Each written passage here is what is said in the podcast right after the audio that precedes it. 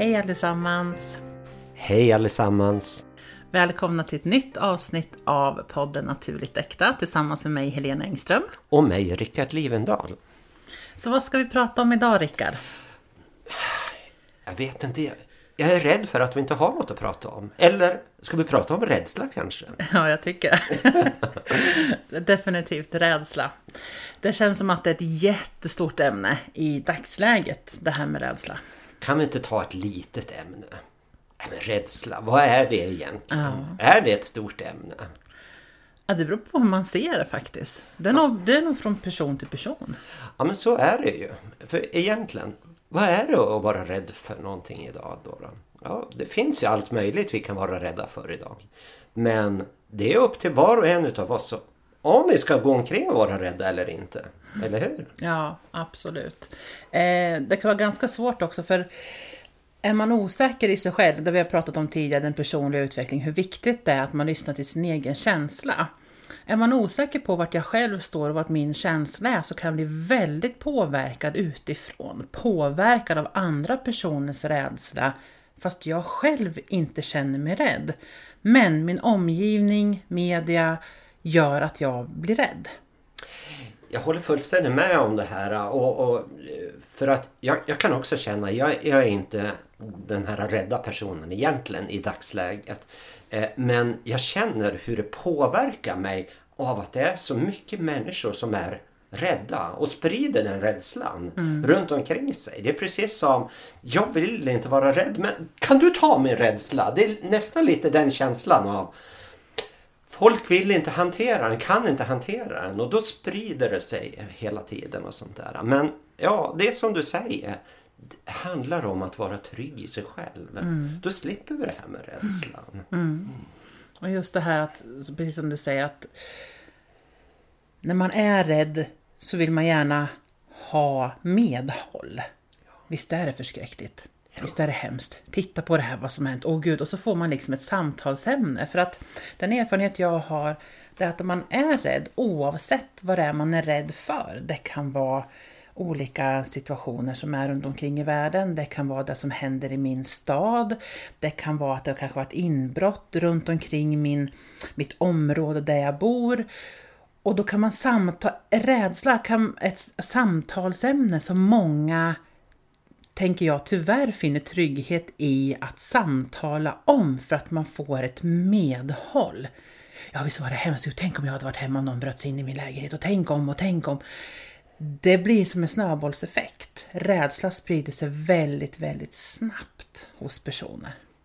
Ja, men eh, det är precis som det är den universella känslan. Den som alla kan förknippa med någonting som man själv har upplevt. Alla har, har vi känt rädsla.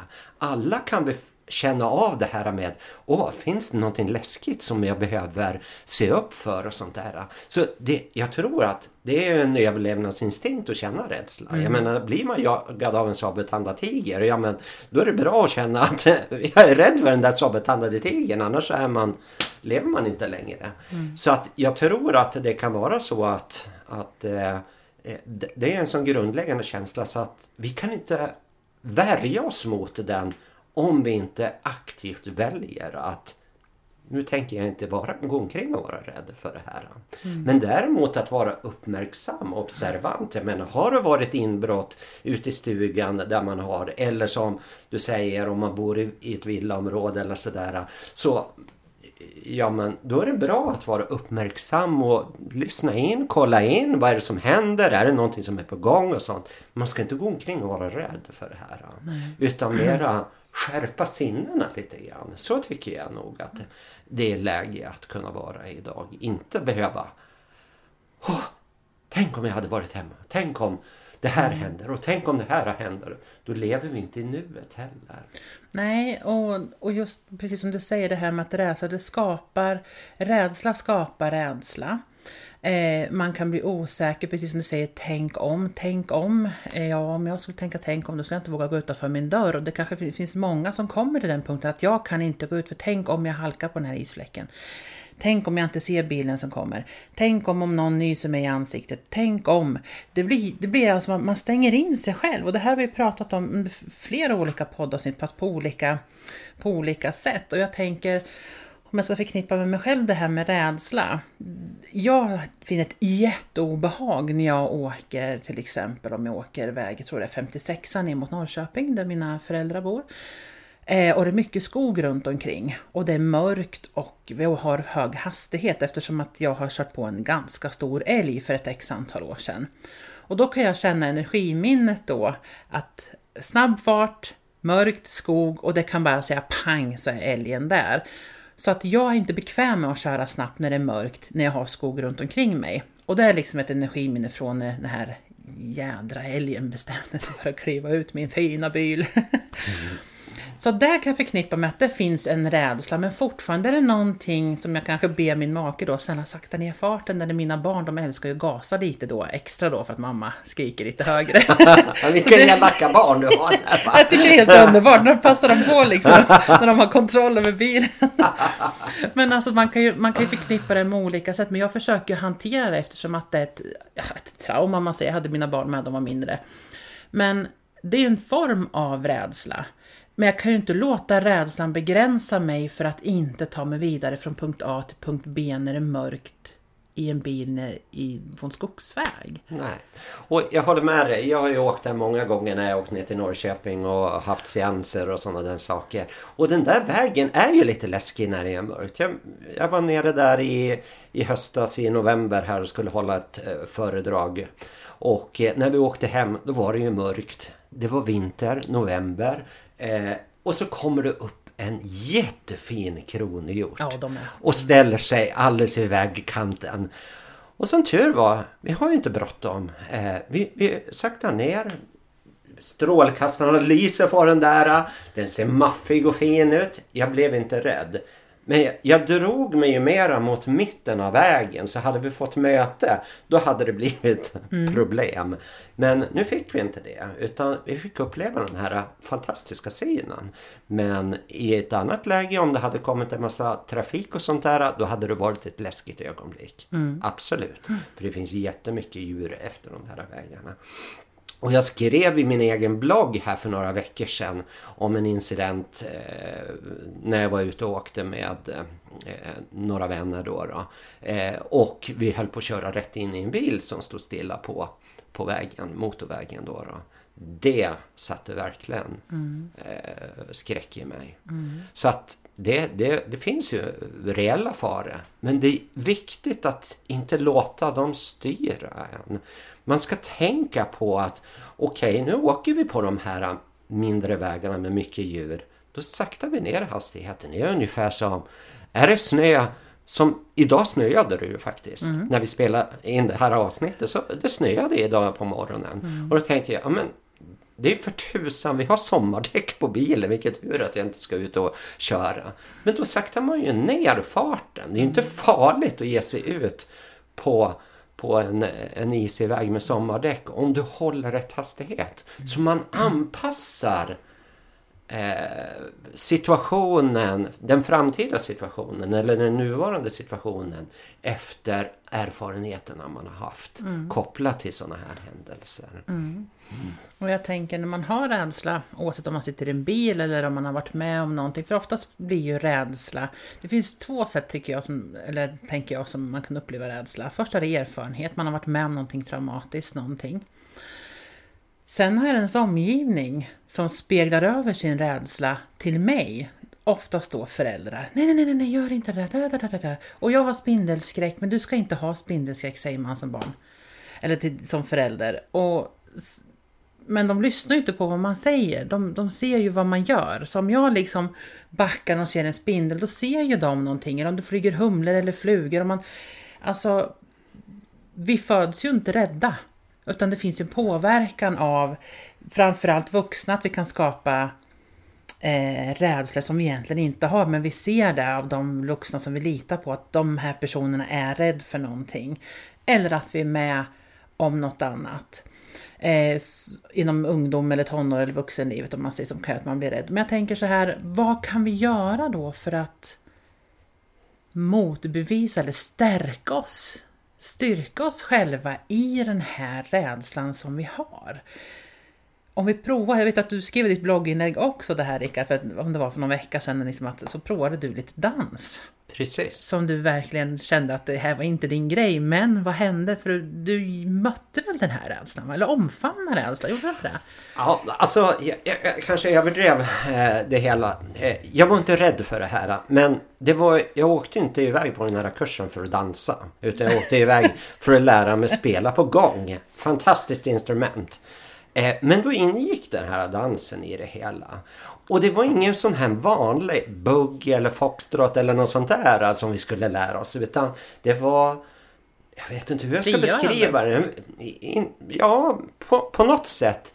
En, en dans som där du släpper loss, där du inte följer så här ska du göra. Utan du ska känna in. Ja, hur, hur uttrycker du dina känslor nu? Om du går in i din känsla nu och så ska du uttrycka frihet. Och så här, hur, hur, hur, blir det? Ja, men det skulle kunna vara som frigörande dans. Eh, den typen av dans har jag aldrig hållit på med. Så det var ju någonting helt nytt. Och jag var ensam man dessutom. Eh, hur kommer det sig? Att man är ensam man på en, på en sån här utbildning. Ja men det var jättespännande. Jag klev verkligen ut ur min bekvämlighetszon. Kunde konstatera. Gud vad läckert det här var. Så nu, ja om några veckor här, eh, näst, knappt en månad. Då ska jag gå eh, renodlad den här dansen bara i en workshop på en dag. Så roligt var det. Att kliva ur boxen och göra någonting jag aldrig hade gjort tidigare. Så jag kan inte säga att jag var rädd för dansen. Men, men den utmanade mig därför att den var strukturlös på något vis. Ja. Och det är lite spännande. Det är lite utmanande. Jag, och, och jag märker det. Vi hade diskussioner kring det här. Jättemånga människor som är rädda för det här. Framförallt män av någon anledning. Ska män hålla på och dansa, ja, då ska det ju vara någon sån här lär dig stegen i bugg eller foxtrot eller tango eller eh, klassisk dans eller ja, vad, vad som helst. Då, då, eh, så att du kan det systematiskt, eh, ordentligt, noggrant. Inte det här med följ din inre känsla. Följ din inre visdom eller kroppsvisdom. Ja, vad kan, vad kan där börja tänka på att det, det är lite män? Jag tänker också det här med rädslan. För att hur många gånger begränsar vi då kanske gå en, en buggkurs, oavsett om det, om det är struktur eller inte, eller jazzdans, eller frigörande dans, eller yoga, för att vi är rädda för att göra bort oss. Tänk om jag gör fel och så ser de andra det. Tänk om jag gör bort mig. Och därför så väljer jag bort yogan eller dansen för tänk om att jag blir till åtlöje för mig själv. Det är ju en rädsla som begränsar att verkligen, som du säger, kliva utanför boxen eller göra någonting nytt. Det här som jag brukar säga, varför prova något nytt när du kan göra samma sak hela tiden? Ja, men du har helt rätt i det där.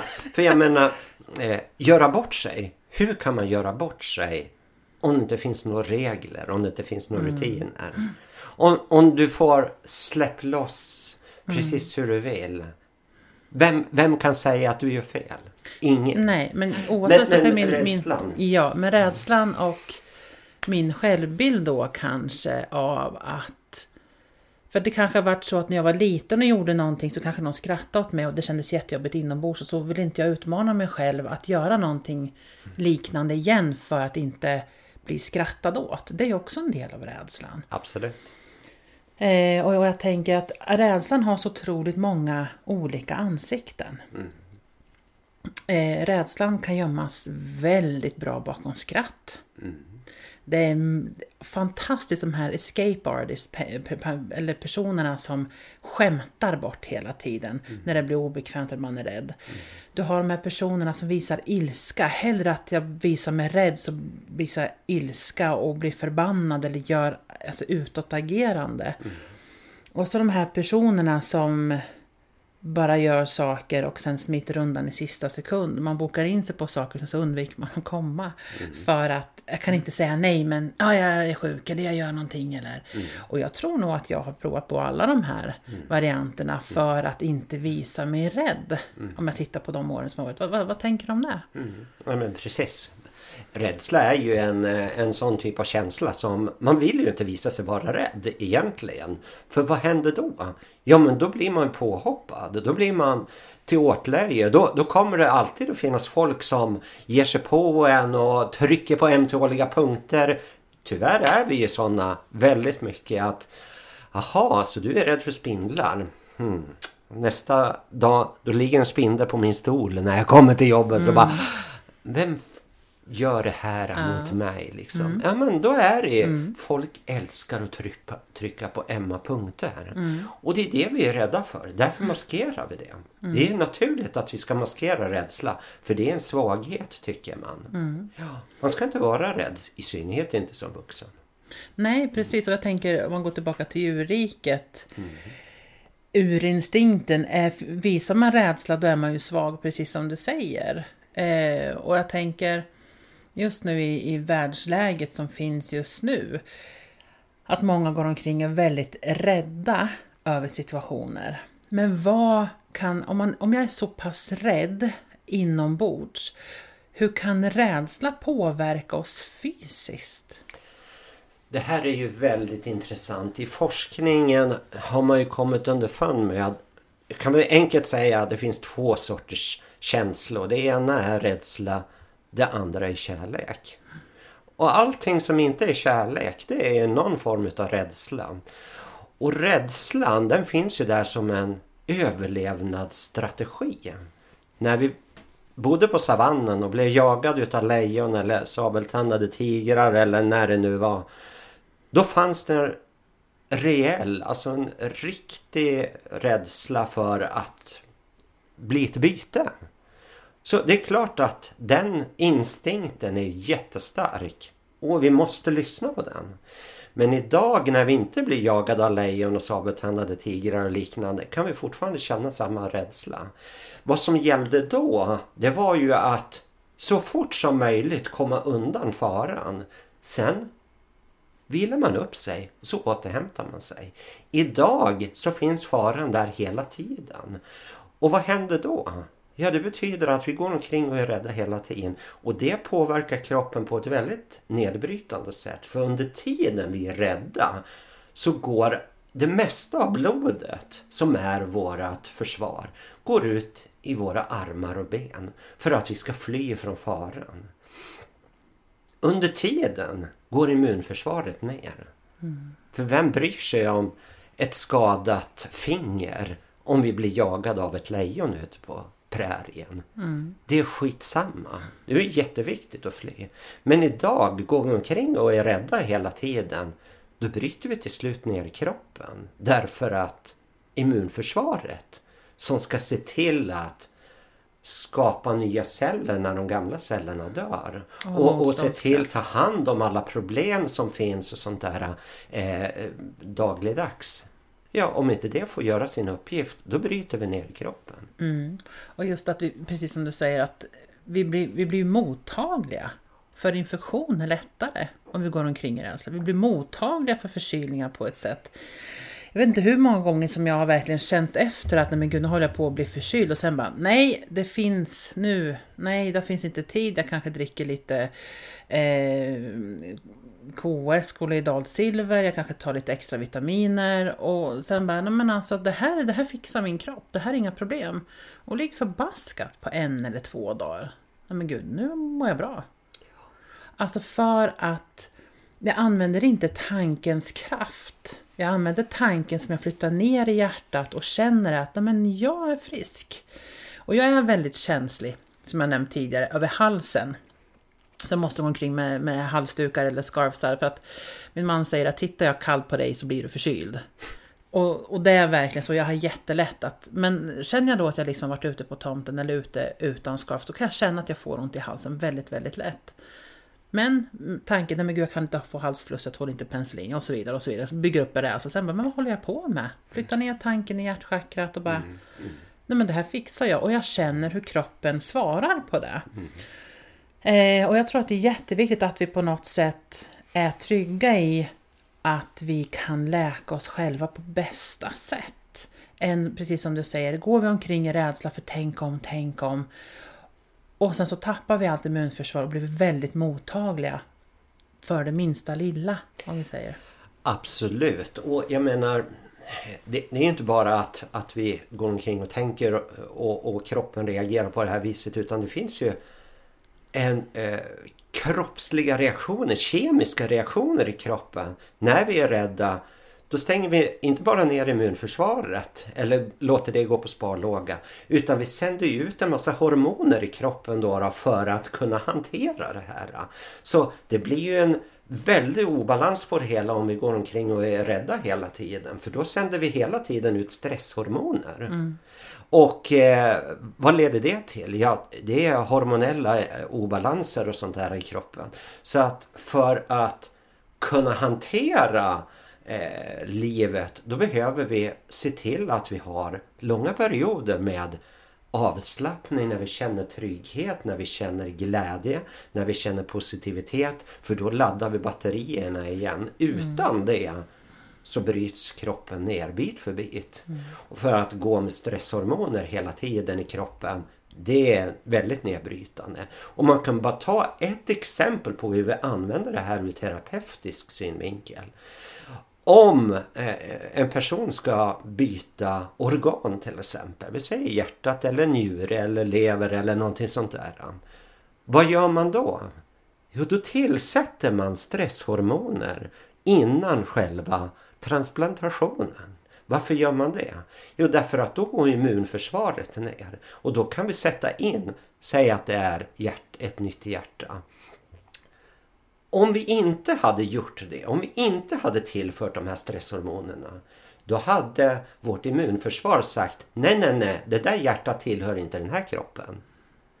Men mm. i och med att vi tillför stress, då slås immunförsvaret ut tillfälligt och då tar den emot hjärtat. Sen blir hjärtat, växer in och blir en del utav kroppen. Så så hanterar man fysiska eh, problem då, då eh, för att se till att, att det inte blir eh, problem när man gör transplantationer till exempel. Precis, och, då är det inte ja. det någonting som vi bara pratar om, utan det här är verkligen någonting som man, som man verkligen jobbar med. Ja. Så när man går omkring och är rädd så skapar man tankar som blir som en snöbollseffekt och då menar jag liksom att man ställer, man börjar rulla den och så blir den större och större och större. Det blir en hön av en fjäder. Um, och jag tänker, ska man slappna av och, och ta det lugnt och ha mycket glädje, men har man inte den tiden då att stanna upp? Om man känner att jag inte har den här tiden, att jag går omkring och är rädd av olika anledningar. Eh, att jag behöver jobba, jag behöver få in ekonomi, jag behöver göra de sakerna. Så blir det ett stresspåslag. Och då tänker jag på kortisol som gör att man blir utbränd, att man liksom har det för mycket. Men jag tänker, hur kan man göra för att undvika rädsla? Om jag är med ett, med ett kompisgäng eller är bland mina arbetskamrater som vi tidigare pratat om. Mm. Och det är väldigt mycket prat av rädsla. Mm. Och man känner att jag kan inte lyssna på det här, det här dränerar min energi. Jag har inte lust att gå ut och jobba en hel dag när vi har suttit på frukostrasten och pratat om hur rädda alla är. Eller jag eller de är. Så jag tänker, Finns det mod och styrka att man kan stå upp då för fem personer och säga att nej men kan vi inte byta samtalsämne? Och jag tänker, om du lyssnar på det här och känner igen det jag säger, så vill jag bara säga ta, ta dig kraft och stå upp för dig själv och säga, kan vi inte prata om något annat den här rasten? För att det här har vi pratat om i flera veckor nu. Stå upp för dig själv och gör din röst hörd för att andras rädsla kan påverka dig extremt mycket energimässigt. till det sämre. Absolut, den kollektiva energin blir ju så mycket starkare och det är jättesvårt att stå emot det här. Men det är som du säger, man måste ta sig modet, ställa sig upp och säga nu får vi byta samtalsämne för det här dränerar ju bara oss. Eh, alternativt om de inte vill byta samtalsämne, om de hela tiden återkommer, byt miljö. Ja. Det är ju en nedbrytande miljö mm. och precis som varenda cell i kroppen behöver ha en uppbyggande miljö så behöver vi också söka oss till miljöer där vi känner att vi får kraft, där vi känner att vi får positiv energi. Det handlar inte bara om att gå omkring och vara positiv och le och allt sånt där. Det är i och för sig värdefullt men det handlar faktiskt om att våga lyfta det här med att negativitet under en längre tid bryter ner. Mm. Eh, fastnar man i det här, det vet vi ju med negativt tänkande att fastnar man i ett negativt tänkande, typ orolig för framtiden, hur ska det gå och så vidare. Ja, men, det, det är ju rädsla, det är bara rädsla. Och, och, den är ogrundad därför att vi vet ingenting om morgondagen. Vi vet ju inte vad som kommer att hända idag, vad som kommer att hända imorgon, vad som kommer att hända om en månad, nästa år och så vidare. Vi vet ingenting om det här. Alltså det viktigaste är, här, är att leva här och nu. Och titta, har vi ett problem nu? Nej, det har vi inte. Just nu så har vi inte ett problem. Och har vi ett problem nu, då är det lätt att hantera det. Ja, om jag tycker att du bara sitter och pratar negativitet, ja men då går jag iväg härifrån. Så enkelt är det. Men du kan inte gå iväg från någonting som inte har skett än. Och du kan inte gå iväg ifrån eh, det som har varit. Därför att det finns inte. Inget av dem finns egentligen. Bara i ditt huvud. Mm. Och jag tänker just det här med rädsla har en sån enorm kraft. Jag vet inte om vi har pratat om det här men till exempel om, någon, om du trygger dig själv och känner, känner att du står fast där du står och har din åsikt utan att bli påverkad av andra. Om någon attackerar dig och gapar och skriker på dig, jag tror inte du ställer och skriker tillbaka utan man liksom, ja men det är helt okej, okay. man ser den här personen att den är rädd. Men Eh, alla, har alla den här, eh, de som jag umgås med eller jobbar med, har alla inte den självkännedomen så är det så lättare att hitta samtalsämnen, speciellt kvinnor, att man snackar skit om den och vad har hänt med den här personen. Det får en mycket sam, ett större, vet du, det, det tar, tar större plats i ett samtalsämne. Eller man märker skillnad till exempel, gud vad härligt, jag vann pengar igår. Ah, vad roligt, vad, vad kul. Det är inte så att man börjar diskutera högt och lågt, eller högt liksom, vad kul, vad roligt, grattis, utan åh vad kul, grattis, vad, vad kul för dig. Sen så byter man ämne.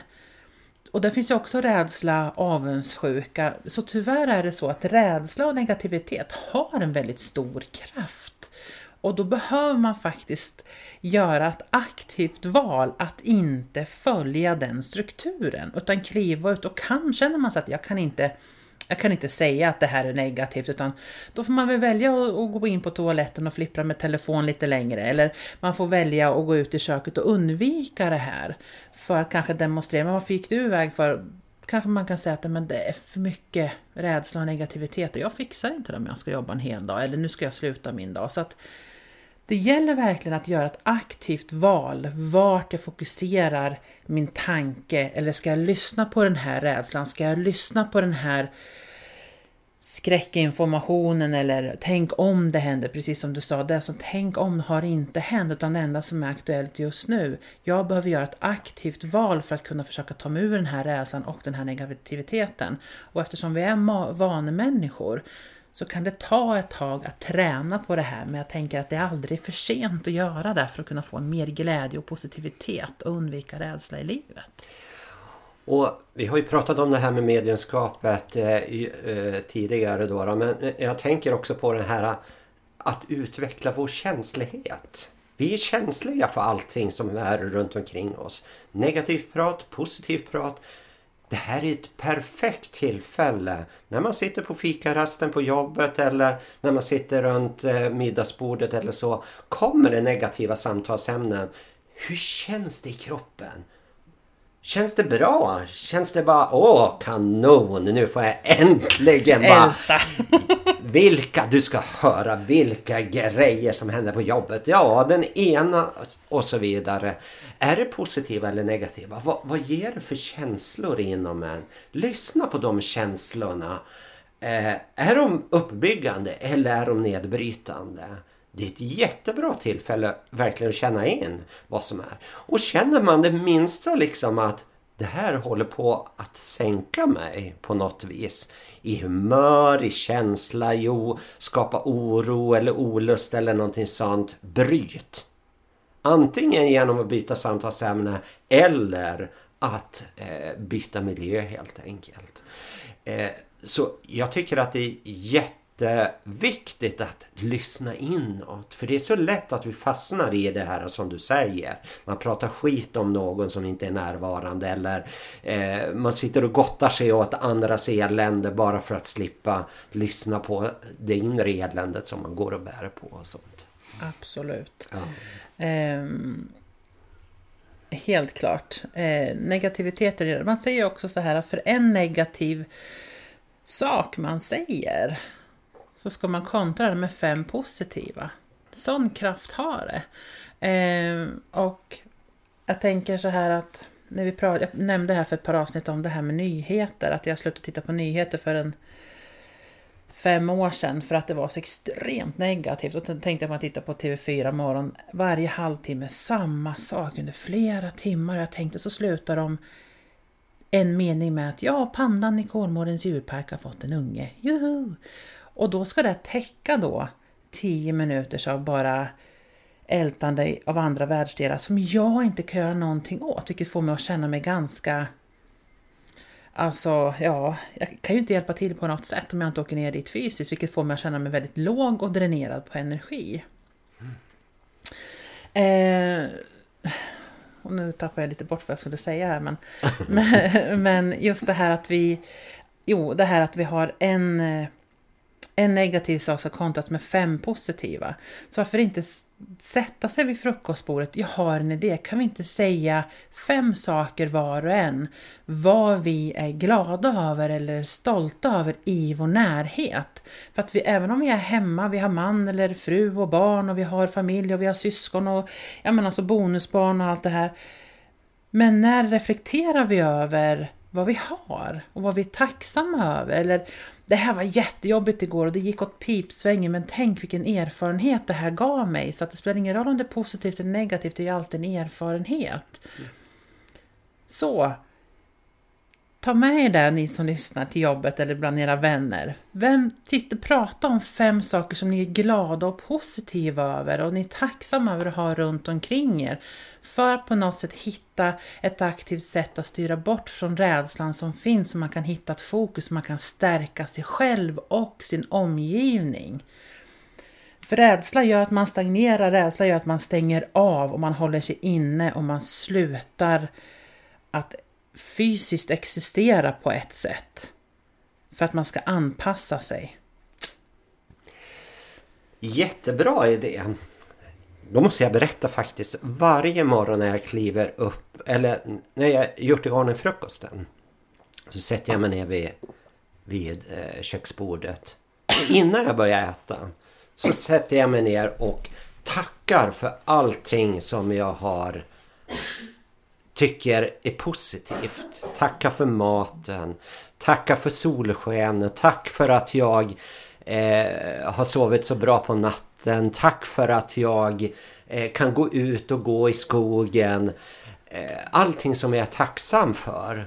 Och tacksam för alla möten med människor där vi kan hjälpa och stötta varandra till exempel. Det är några sådana där saker som jag alltid börjar med. Och tacksam för alla som bidrar med min frukost. Jag menar det är inte bara att jag har gått till affären och handlat ingredienser. Utan det är ju många, det är ett träd som har träd och grejer som har växt till sig och sen kunnat blivit till det hela. Det är människor som har skördat, det är människor som har förpackat, det är människor som har transporterat, det är människor som har... Och, och det, det är mycket led innan det kommer till mitt köksbord. Innan det kommer ner i min tallrik. Och det tycker jag är en jättebra start på morgonen innan, innan jag börjar äta. Att vara tacksam över det här. Alltså, jag, idén är super, det som du säger. Ja. Börja med att var och en får säga fem saker som de är tacksamma för direkt på morgonen. Vilken start på dagen. Ja, för att liksom kunna, som du säger, i det här med immunförsvaret, att man stärker upp sin kraft, man stärker upp sitt sinne på ett positivt och ödmjukt och varmt sätt. Och jag tänker så här innan vi avslutar här nu, för det är dags återigen att avsluta, så tänker jag så här, du som har lyssnat, kan inte du skriva kommentarer om fem saker vad du är tacksam över i ditt liv? Kom ihåg att det lilla kan vara väldigt, väldigt stort. Det behöver inte vara stora saker, det kan vara att du slår upp dina vackra ögon på morgonen till exempel. Det är en tacksamhet. Så vad är det du är tacksam över ditt liv just när du har lyssnat på det här avsnittet? Berätta gärna det, för både Rickard och jag vill gärna läsa det, för det känns som en härlig grej och härlig sak vi kan sprida positivitet och glädje med i den här rädslan som finns i omvärlden just nu. Precis, för jag menar det, som, det, det vi fokuserar på det är ju det som får allting att växa. Så lägger vi lite tid på att vara tacksamma över olika saker, från det lilla till det stora, då sprider vi en tacksamhetsenergi. Och då sprider vi också en glädje inom oss att ja, det är fantastiskt att jag kan faktiskt gå ut. Det är inte alla som kan gå ut. En del sitter inlåsta eh, i sina lägenheter eller hus i andra länder. Här i Sverige, vi kan fortfarande gå ut. Vi kan möta människor, vi kan säga hej till människor vi inte har träffat tidigare. Och få en respons tillbaka eh, på olika sätt och vis. Det är jättemycket att vara tacksam för egentligen. Och lägger vi mera tid på det, att sprida den här tacksamheten, var och en av oss, både vi som sitter här och ni som lyssnar på oss, då sprider vi tacksamhetsenergi ut över hela världen. Och som sagt, det vi ger, det får vi. Ja, Och ju mer positivitet vi ger oss själva inombords, desto mer positivitet attraherar vi. Exakt.